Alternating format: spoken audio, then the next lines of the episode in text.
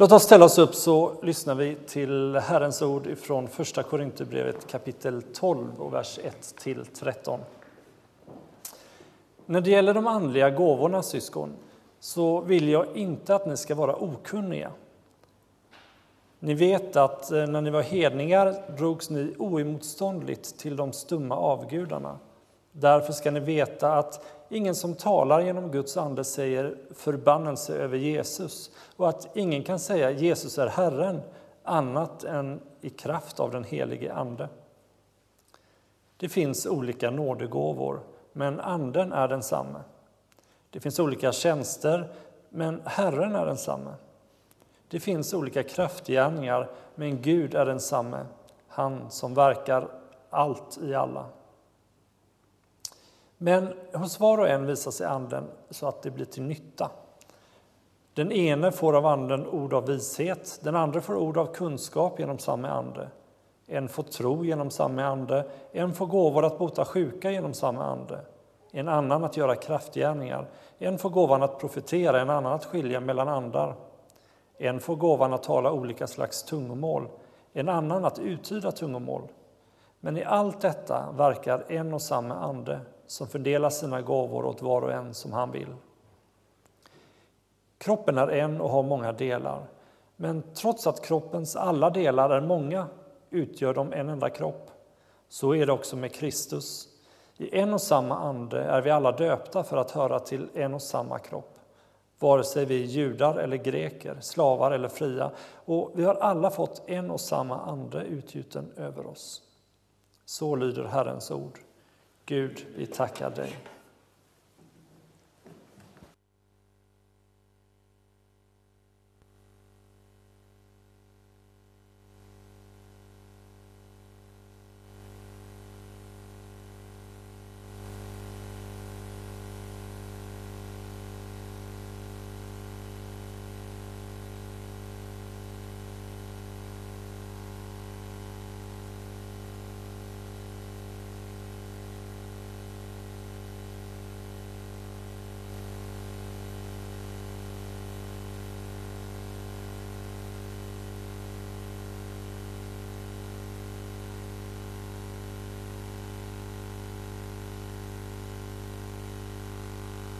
Försöker få den där micken att peka åt rätt håll, men när jag än gör så pekar den åt fel håll.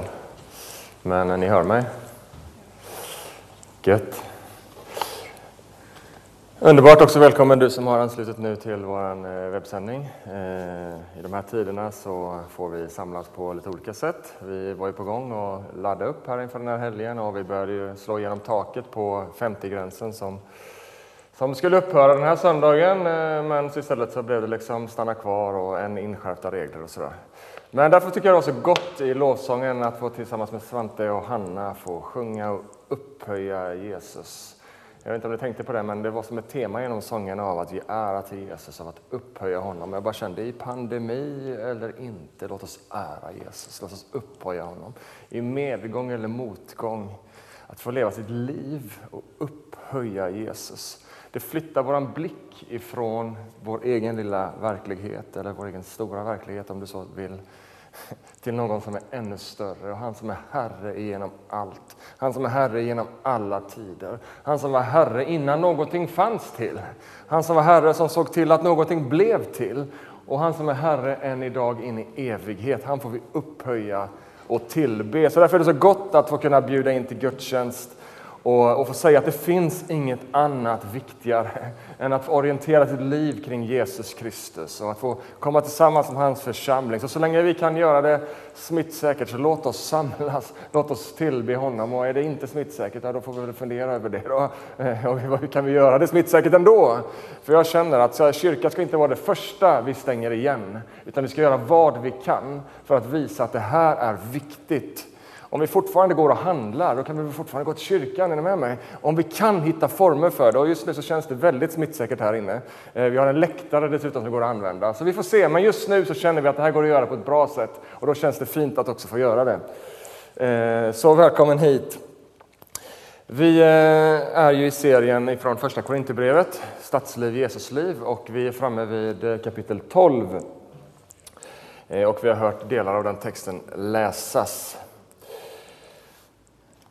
Och eh, Paulus för oss in i undervisningen om anden och den heliga ande. Egentligen är det ett stort sammanhang här. Han undervisar om gudstjänsten och gudstjänstlivet och det gemensamma livet som vi har som, som Kristi kyrka. Så förra veckan så talade vi om nattvarden och, och den aspekten och nu så kommer vi in i, i, i, i det andliga livet i församlingsgemenskapen. Inte det andliga livet som någon Lonely Ranger utan som, som en del i hans kropp och hur ser det andliga livet ut.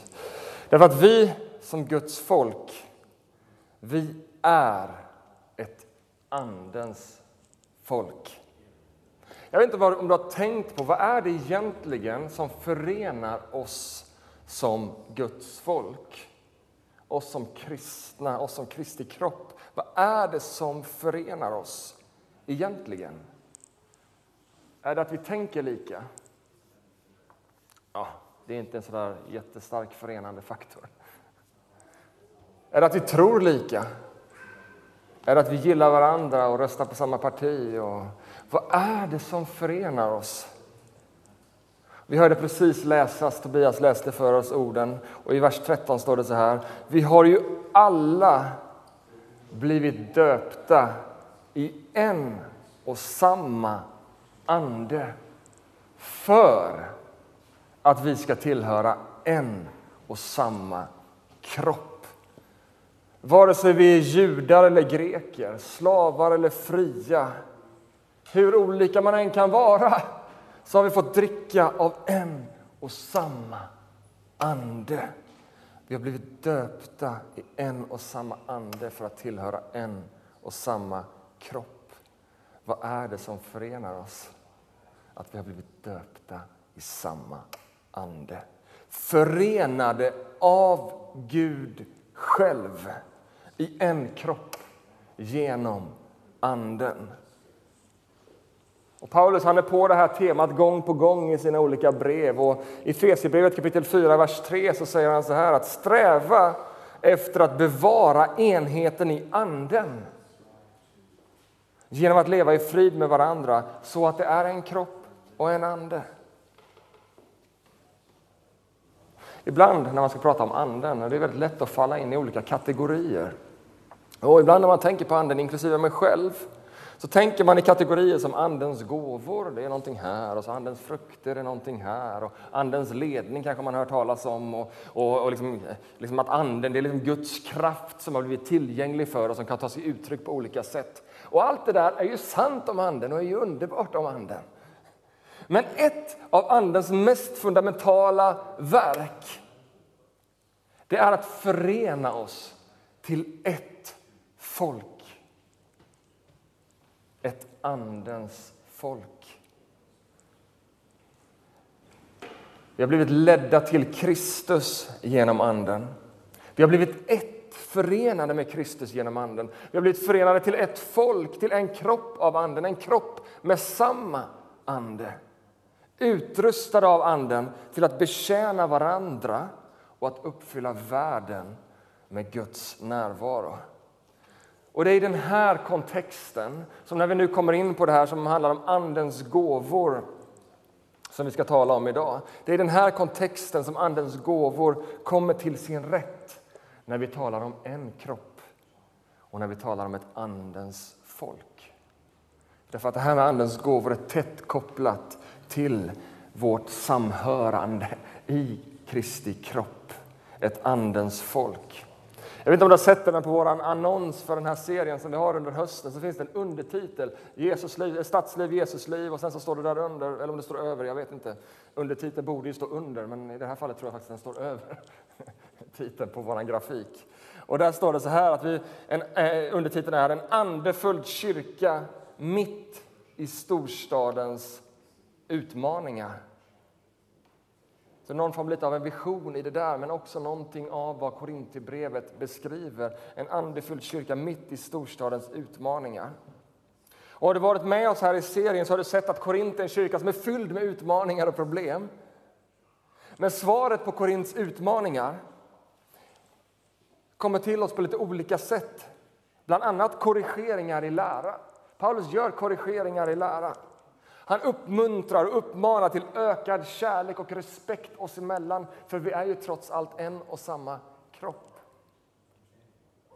Men också, som liksom bjuds in i det här kapitlet och framåt, lösningarna på Korints problem och utmaningar var också en sund och levande andlighet. Och att fortsätta söka det andliga livet och söka Andens gåvor. Vi är ett Andens folk. Och lyssna nu, vi som sitter här inne och vi som är var vi nu är någonstans. Vi är en andefylld kyrka. Därför att vi har blivit döpta i en och samma ande.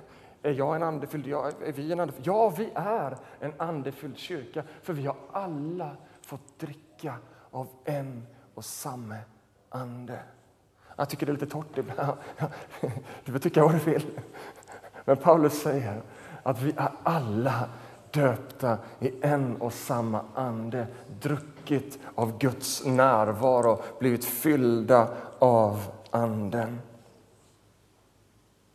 Du är uppfylld med en närvaro som får dig att tänka annorlunda. Du är uppfylld med en närvaro som får dig att känna annorlunda, att agera annorlunda, att prioritera annorlunda. Helt enkelt uppfylld av en närvaro så att du lever annorlunda än vad du hade gjort utan Anden. Och Det vill jag påstå är sant om dig som gett ditt liv till Jesus Kristus. Du har fått del av en kraft som får dig att känna, tänka, agera och leva och prioritera på ett annat sätt. Vi har alla fått dricka av en och samma ande. Du är fylld med Guds ande. Du har Gud inneboende. Smith Wigglesworth, som var en, han kallas ibland för trons apostel, han levde ungefär mellan 1850 och 1950.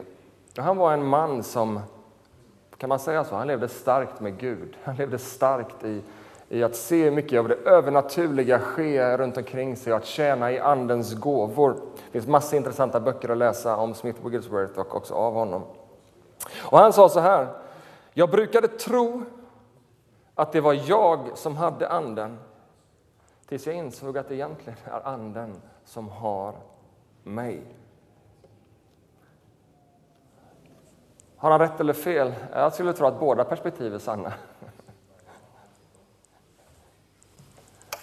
Vi har Anden, vi har tagit emot Anden. Men i det så sker någonting. I att Anden alltmer tar kontroll och vill ta kontroll. Så jag tänker det Smith Wigglesworth säger, det är också en bön ett uttryck för en längtan att alltmer överlåta sitt liv i Andens händer och till Andens ledning. Att alltmer lära känna Andens röst, Guds röst inom oss. Att lära känna Andens ledning och maningar så att Guds närvaro i våra liv får bli den definierande faktorn i våra liv. Det som särskiljer oss, det som sticker ut. När vi står inför olika situationer, vad är det första vi gör när vi inte vet vad vi ska göra? Tänk, heligande, jag vet inte vad jag ska göra. Led mig. Heligande, det här är en omöjlig situation. Hjälp mig att det får bli än mer den liksom, det sättet som vi lever våra liv. Att bejaka den närvaro som Gud har gett oss och den kraften som Gud har gett oss på vår insida. Det är ett verk som vi får ge oss till personligen. Att alltmer låta oss ledas av Anden. Och det börjar med att vi erkänner Andens närvaro i våra liv. Att vi erkänner att vi är en del av Andens folk på jorden. Det är inte några andra, det är vi. Vi behöver bejaka och bekräfta och inse att Guds ande bor på vår insida. Att leva med en bejakande eh, eh, liksom inställning till anden. Också erkänna de gåvor som han har lagt ner i våra liv.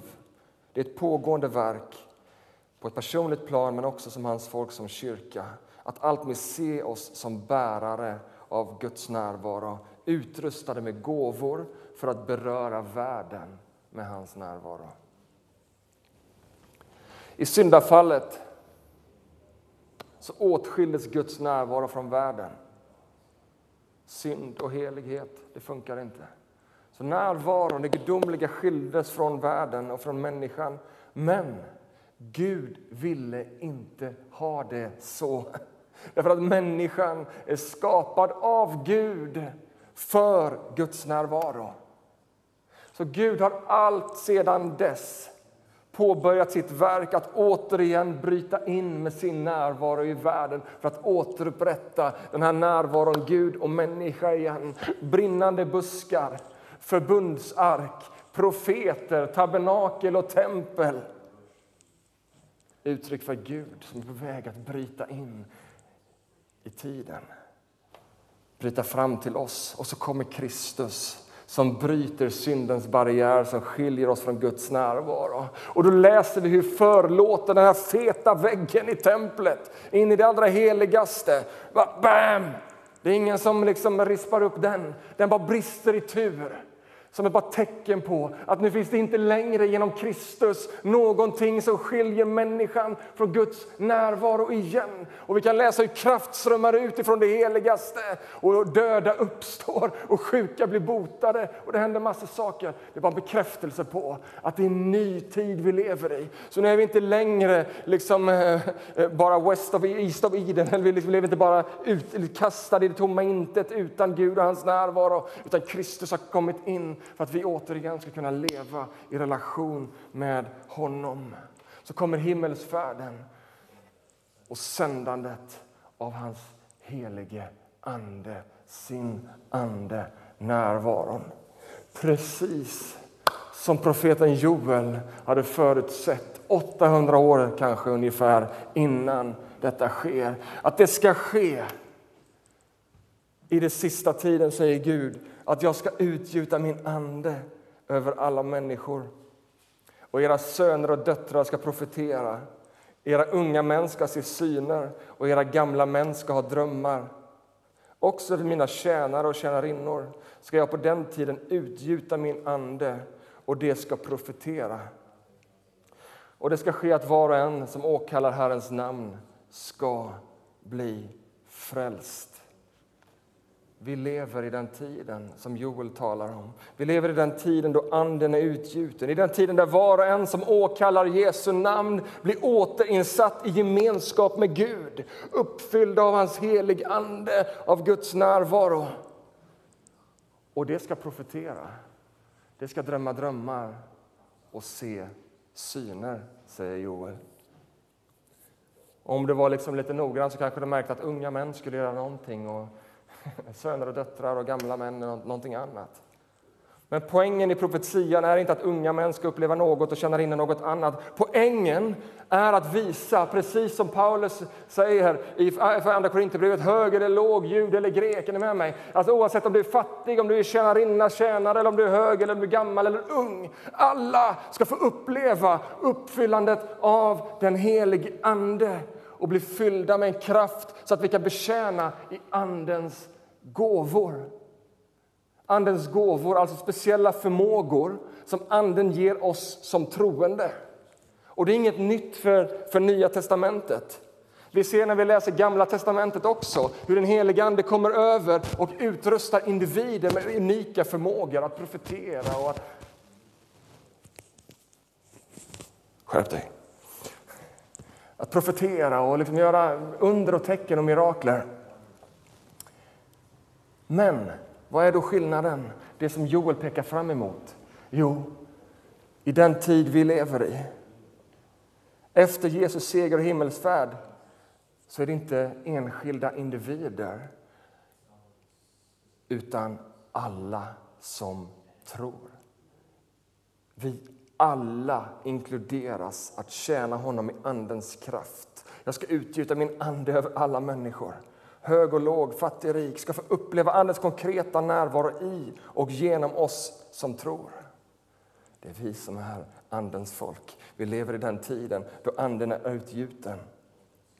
Och vi ser redan i Joels profetia att Andens närvaro i oss är inte bara en diffus kraft utan någonting som tar sig i konkreta uttryckssätt. Profetia, drömmar och syner. Alltså förmågor som är relaterade till Andens verk genom oss naturliga men samtidigt övernaturliga förmågor. Anden börjar verka i våra tankar. Anden börjar verka i våra drömmar. Och Jag ber ganska ofta, och jag ber med mina barn också. Herre, låt oss få drömma dina drömmar i natt. Du vet när man ska gå och somna. Jag vill inte bara drömma all möjlig nonsens. Kan jag inte bara drömma dina drömmar i natt, Herre? Kom helig Ande över mina barn och låt dem få drömma dina drömmar. Låt dem få se in i det som du vill att vi ska se in i. Jag tror på ett förlösande av drömmar ibland oss. Du vet, det, liksom, det finns inte massa saker i drömmarna som hindrar oss, vårt intellekt och alltihopa. Där kan vi vara öppna. Så kan vi bara få liksom här, drömma drömmar. Se syner.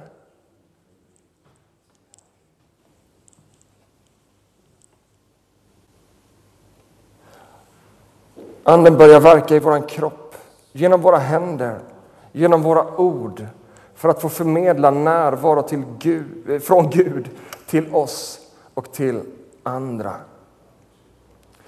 Så redan Joel börjar liksom lyfta fram det som Paulus börjar tala om som de andliga tingen eller som de andliga gåvorna. Så i dagens text talar Paulus om de andliga gåvor. Han uppmuntrar oss att inte ignorera Andens verk i våra liv utan att känna till hur Anden vill använda oss och att vi ska känna till det, vi ska bejaka det och allt mer söka detta. Han säger så här i första versen som Tobias läste idag. När det gäller de andliga gåvorna, syskon, så vill jag inte att ni ska vara okunniga. För det finns allt för ofta, jag vet inte hur det är med dig, men i många sammanhang, kristna sammanhang, finns det en rädsla för den helige Ande och för Andens gåvor. Men låt mig säga det, det vi talar om här, jag vill säga att livet i Anden handlar om, det är inte att bli knasig och konstig eller en allmänt emotionellt liksom, eh, utflippad människa, liksom allmänt emotionellt labil. Eller att man är den som alltid beter sig så där konstigt och man vet inte vad ska hända nu. Då. Liksom, ska han upp på bordet och dansa igen? Det kanske kan hända. Kom igen Tobias. Livet i anden det är att förlösa den konkreta närvaron av Gud i våra liv som Gud sökt att återupprätta ända sedan syndafallet. Och detta säger Paulus, var inte ignoranta till detta. Var inte okunniga om detta, strunta inte i det här. Det här fattar ni väl att det är viktiga grejer. Det här är något som Gud har hållit på med ända sedan syndafallet. Hur kan ni vara ignoranta kring det här och ta det här med en klackspark? Kom igen, skaffa er koll på läget. Intressera er. Och grundtexten säger just detta att vi inte ska vara ignoranta, så det här, att vara okunniga. Det handlar om att liksom inte ignorera, att inte strunta i Andens närvaro, Andens gåvor och Andens verk i våra liv. Nöjer vi oss med ett kristet liv som går att förklara rent mänskligt, då skulle jag vilja hävda att då är vi ignoranta för det som tillhör det andliga. Craig Keener, en av, en av många av mina favoritteologer, han har sagt så här Föreställ dig att besöka en stad på natten som verkar ha inga lampor, inga tv-apparater, inte ens väckarklockor. Och tänk dig sedan att jag Tänk dig sedan att lära dig att stadens strömförsörjning är praktiskt taget obegränsad men att ingen i staden har tänkt tanken att sätta på någon av sina elektriska apparater. Skulle inte den staden verka som en fånig plats för dig? Ändå, säger Craig, liknar kyrkan alltför ofta den staden. Gud har gett oss sin Andes kraft för att uppfylla sitt uppdrag i världen men ändå har så få kristna börjat att leva beroende av hans kraft. En liten fånig bild, men ändå rätt så påtaglig och konkret. Anden är kontaktpunkten mellan det himmelska och det jordiska. Anden är kraftledningen, om vi ska använda hans bild, till himlens kraftstation som är obegränsad, vilken vi har blivit uppkopplade emot. Vi står i relation till Gud och Guds närvaro. Och Det är som att Paulus säger, missa inte innebörden av att den helige Ande är utgjuten. Missa inte att omfamna det här, att utforska det här. Det här som har med himlens energier att göra, det här som har med Guds kraft att göra. Och hoppar vi fram två kapitel till kapitel 14 så säger han i första versen där Var ivriga.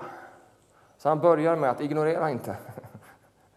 Och sen går han vidare och säger också att var ivriga att få de andliga gåvorna.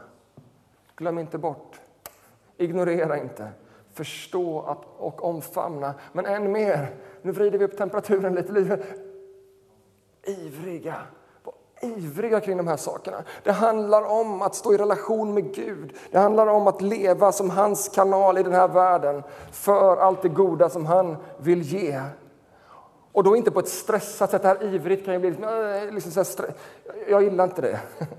Det här forcerade, jag tror inte det är det det handlar om. Inte att vi ska överge allt annat, inte att vi slänger ut allt sunt förnuft som vi har fått. Inte att liksom vi struntar i resten av Bibeln och bara bryr oss om det här. Inte på det sättet. Men ändå ändå en ivrighet, en passion, en glädje i de här sakerna. En längtan att lära känna Gud i oss och innebörden av Gud i oss. Och han fortsätter i 38 verser längre fram, i kapitel 14, vers 39. Igen, var ivriga också att tjäna i Andens gåvor. Alltså att profetera och hindra inte tungamålstalandet. Men låt allt ske på ett värdigt sätt och med ordning. Jag gillar det där ivrigt men värdigt. Ivrigt men värdigt. Andens liv är inte någon extrem liksom, kristen version, en extrem version på det kristna livet. Andens liv är Andens folks naturliga liv. Det normala kristna livet är att erkänna att Gud bor i oss, att erkänna att den närvaron gör en skillnad, att erkänna att han faktiskt har utrustat oss med andliga gåvor och att det också är ett pågående verk i oss där andliga gåvor får manifesteras, där vi får upptäcka nya gåvor som Anden ger oss. Sam Storms, en annan favorit, ja, han är också teolog och pastor, han har sagt om Andens gåvor att andliga gåvor är inget mindre än Gud själv i oss som ger vår inre människa energi, förmedlar uppenbarelse till våra sinnen, skapar kraft i vår vilja och verkar hans suveräna och goda syften genom oss.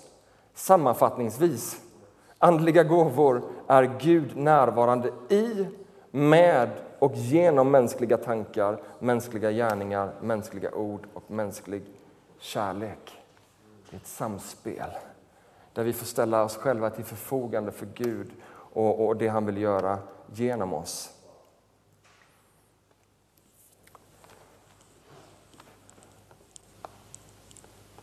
andliga gåvor. Det finns olika nådegåvor, men Anden är densamma.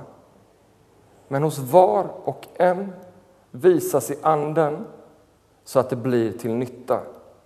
Den ena får av Anden ord av vishet, den andra får ord av kunskap genom samma ande. En får tro genom samma ande, en får gåvan att bota sjuka genom samma ande, en annan att göra kraftgärningar. En får gåvan att profetera, en annan att skilja mellan olika andar. En får gåvan att tala olika slags tungomål, en annan att uttyda tungomål. Men i allt det här så verkar en och samma ande som fördelar sina gåvor åt var och en som han vill.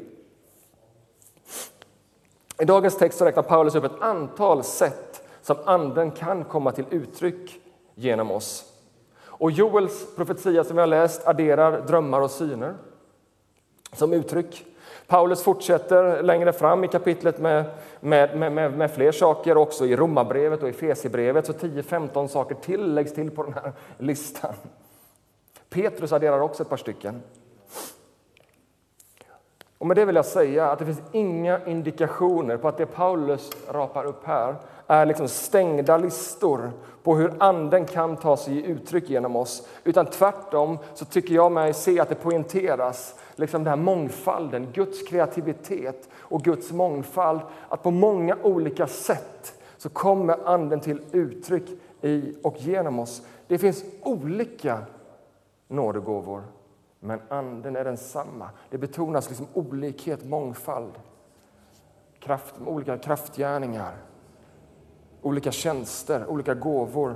Inte likformighet, men mångfald i enhet. Jag tycker det låter som Gud som jag känner i skapelsen, som jag känner i hur han verkar. Så Anden verkar i oss, i din personlighet, med din personlighet, i dina gåvor. Också med specifika, kanske lite mer andliga gåvor som inte kommer helt naturligt normalt sett. Att vi blir genomsyrade av helig Ande. Det betonas också att det här är inte är någonting som sker, som jag redan har sagt, som en Lonely Ranger, där du springer omkring och är en andlig superhjälte. utan i enhet med Kristi kropp. I harmoni med din lokala församlingsgemenskap.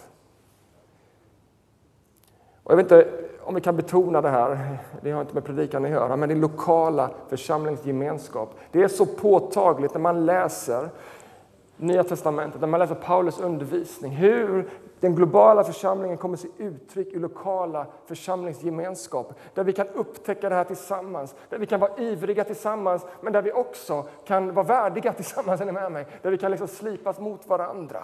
Inte bara hoppa runt från den kyrkan till den andra eller lyssna lite på Youtube där eller lite så, utan att överlåta sig till en kristen lokal gemenskap som är en del av Kristi stora kropp.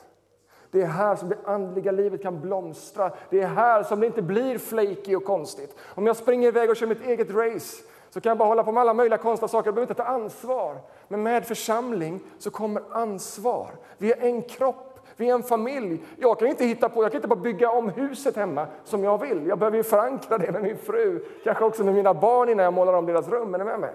Det är samma sak här med Andens gåvor. Jag kan inte bara hoppa ut i en teori och springa mitt race. Utan vi har varandra så att det kan få ske ivrigt, passionerat, men också med värdighet och i ordning.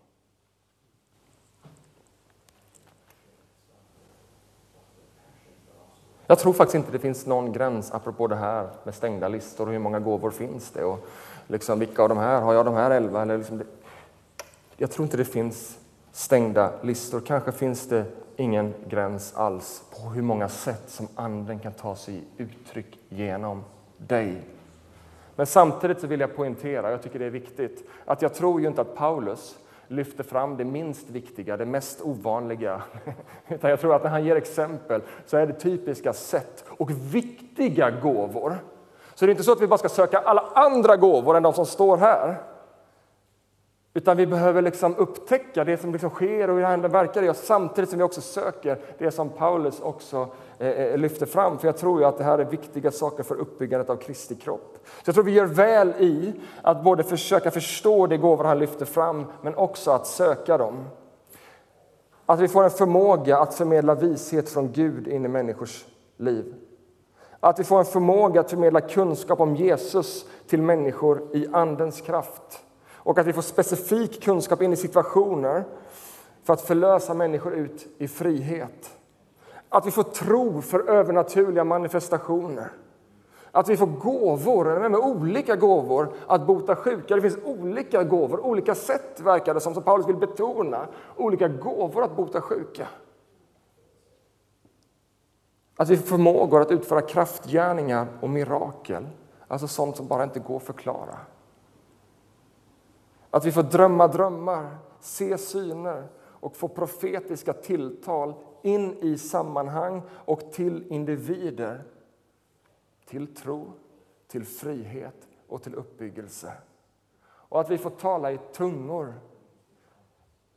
Pingstvännernas manér.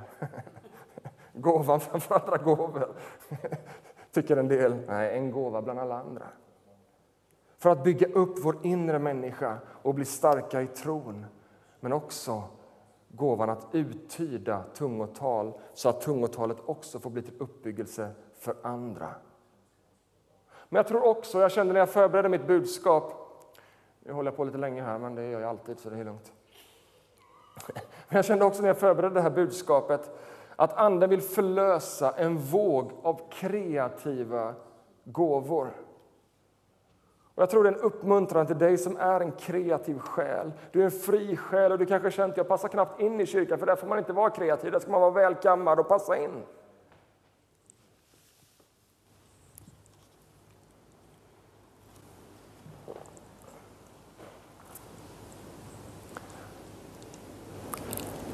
Det är kreativa gåvor som Gud har gett dig.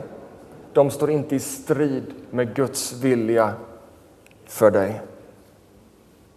Det är inte heller gåvor som ligger utanför Guds intresse. Det är gåvor nedlagda av Gud i dig. Som Gud vill fylla med sin energi för att beröra och för att förmedla skönhet till människor. Och för att öppna upp människors hjärtan för skönhetens ursprung, Gud själv. Och där finns någonting i din kreativitet som Gud vill använda, som Gud vill att du ska bejaka och säga ja, jag tar emot det här som en gåva från Gud. Och det är inte bara en vanlig gåva, det är en andlig gåva som jag vill använda för andliga syften, för att beröra världen med Guds närvaro.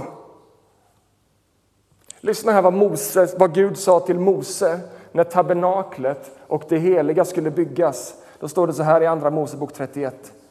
Jag har utvalt Besalel, det här är alltså Gud som talar till Mose. Jag har utvalt Besalel, Uris son, och jag har fyllt honom med Guds ande, med vishet, skicklighet och kunskap i alla slags konsthantverk. Han kan tillverka föremål av guld, silver och koppar och han är också skicklig att slipa infattningsstenar och snida i trä, ja, till att utföra alla slags arbeten. Jag har också gett speciell yrkesskicklighet till alla hantverkare så att de kan tillverka allt som jag har befallt dig.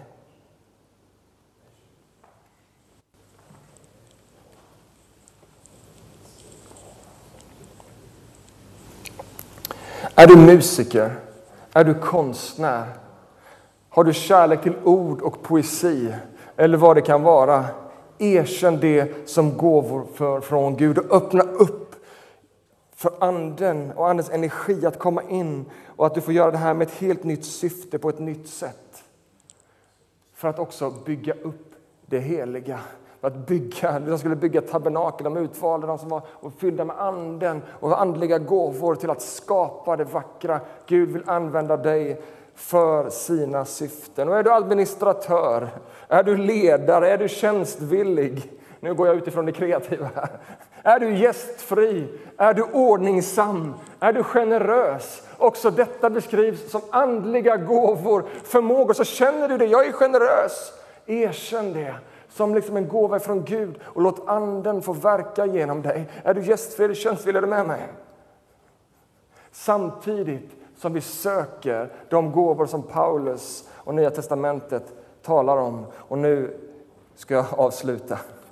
Därför att vi behöver Andens gåvor. Vi är en kropp. Vi är en familj som behöver varandra. Och vi behöver de olika erfarenheter som var och en har av Gud. De olika gåvor som Gud lagt ner i var och en. Allt behövs. Vers 7 säger i dagens text att men hos var och en. Det är inte hos vissa utvalda som i GT i Gamla testamentet utan hos var och en visar sig Anden. Hur då? Så att det blir till nytta. Till nytta för kroppen, till nytta för den lokala församlingsgemenskapen, till nytta för Guds rike. Andliga gåvor är för församlingens uppbyggelse. Egentligen är det bara tungotalet som man kan argumentera är mer för din egen uppbyggelse. Men det kan vi också argumentera att jag behöver bli uppbyggd för att jag ska kunna tjäna andra. Är ni med mig? Och sen så kommer ju uttydningen av tungotalet. Så allting liksom är för församlingens uppbyggelse och för att liksom vi är en kropp som behöver varandra. Ett folk som manifesterar enhet, nåd och kärlek. Som reflekterar Gud på jorden, Jesu kropp på jorden, ett folk som är uppfyllda av honom. Så allt som har med anden att göra, vet, andens frukter, ni som kan, kan Bibeln och sådär, det är ju saker som handlar om hur vi ska ha fördrag med varandra, hur vi ska orka med varandra. Det är ju det det handlar om. Och så kommer Andens gåvor, hur ska vi kunna betjäna varandra? Liksom, det är vad Anden håller på med, att forma ett folk som kan representera Gud i världen. Ett folk som älskar varandra trots våra olikheter.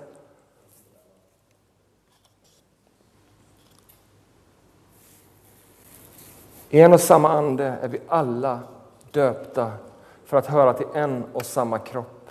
Vi har alla fått en och samma ande utgjuten över oss. Paulus talar om Andens dop som synonymt med vår frälsning. Alltså det tillfället då vi tar emot Jesus i vårt liv och får bli förenade med Kristi kropp. Det är Andens dop. Andens dop, så som Bibeln talar om det, är inget annat än det tillfället du tar emot Jesus.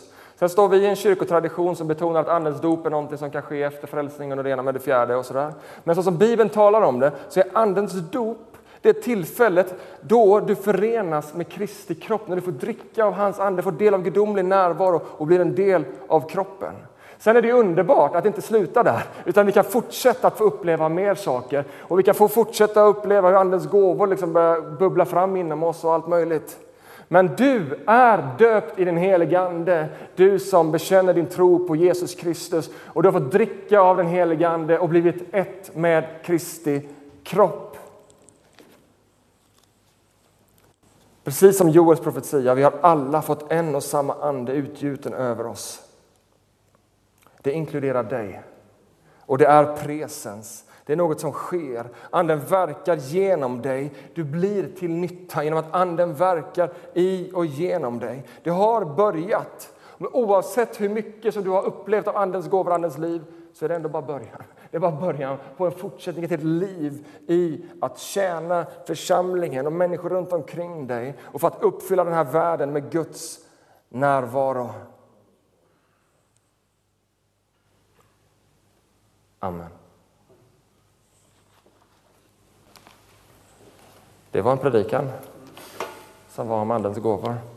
Hoppas att eh, den är till uppbyggelse och uppmuntran och att det ska få skapa en längtan i dig att få ivra efter Andens liv och allt det som man har och att börja bejaka det som finns i dig och som redan är nedlagt. Amen.